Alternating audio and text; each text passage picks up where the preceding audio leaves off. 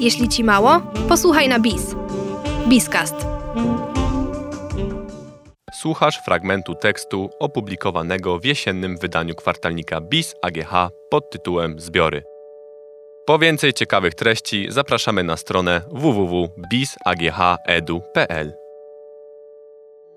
Sztuka tworzenia list zadań. Karolina Machnik. Czyta Olga Krzyżyńska. Każdym rokiem naszego życia przychodzi więcej obowiązków. Coraz więcej musimy pamiętać. Na studiach zaczynamy odczuwać pierwsze początki dorosłego życia. Często studiujemy też w innym mieście niż się wychowaliśmy, i teraz to my musimy zadbać o chociażby czyste ubrania. Do tego dochodzą obowiązki związane z uczelnią, nauka, projekty.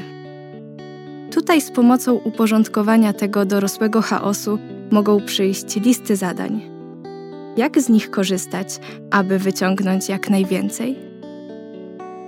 Teoretycznie wydaje nam się, że nie ma nic trudnego w stworzeniu takiej listy. Bierzemy kartkę papieru lub otwieramy aplikację notatki w telefonie i piszemy, co mamy zrobić. I już. Owszem, to jest takie proste. Jednak pojawia się parę trików i zasad, które mogą sprawić, że taka lista będzie bardziej pomocna. Zaczniemy od samego początku stworzenia listy. Bierzemy kartkę, telefon lub inne narzędzie, gdzie chcemy utrwalić wyżej wymienioną listę. Zapisujemy wszystko, co wpadnie nam do głowy, każde zadanie, o którym musimy pamiętać.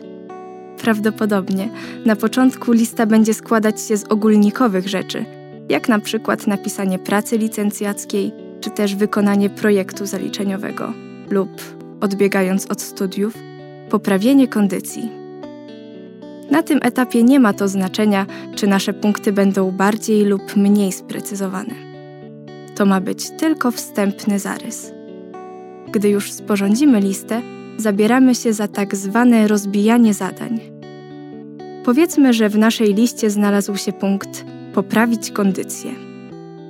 Teraz rozbijamy go na mniejsze cele. Może to być używanie schodów zamiast windy, roweru zamiast komunikacji miejskiej, treningi cardio oraz wiele innych. W ten sposób, patrząc na listę, łatwiej będzie nam wykonać dane zadanie. Nie będzie aż tak przytłaczające. Mając podane konkretne zadania, wiadomo od czego zacząć. Jesteśmy w stanie chętniej je wykonać, niż gdy punkt jest zbyt ogólny. Przydatne może być też ustalanie priorytetu kolejnych zadań. Najpierw najlepiej wykonać te, które są dla nas najważniejsze. Warto pamiętać o tym, że nie we wszystkim będziemy mogli dać z siebie 100%. Byłoby to bardzo wyczerpujące i szybko by zniechęciło. Przypisanie zadaniom skali ważności ułatwi umieszczenie ich pod względem kolejności.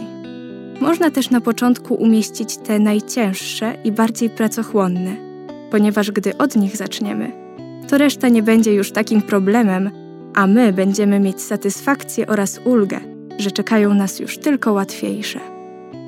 Dobrym krokiem w tworzeniu takiej listy będzie spojrzenie na nią pod względem realnego czasu, w jakim zrobimy daną rzecz. Każdy osobny cel będzie wymagał innego nakładu czasowego.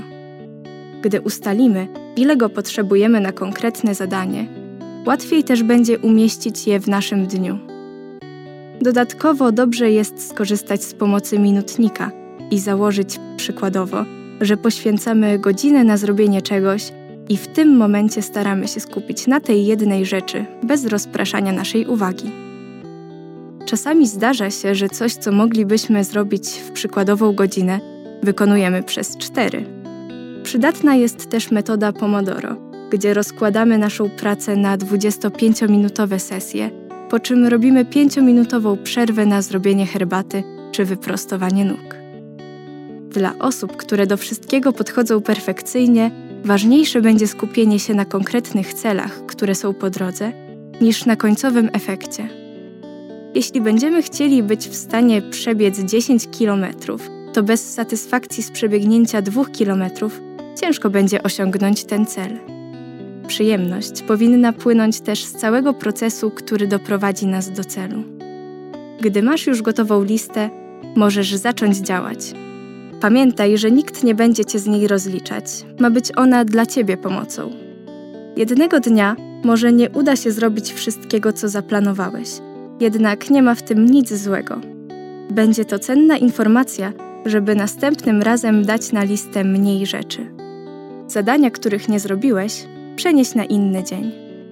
Gotowe. Twoja osobista lista zadań skończona. Możesz teraz zabrać się za jej wykonanie. Stworzenie listy nie jest więc niczym trudnym, jednak trzeba pamiętać o paru krokach, które ułatwią korzystanie z niej.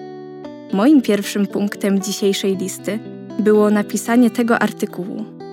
A jaki jest Twój?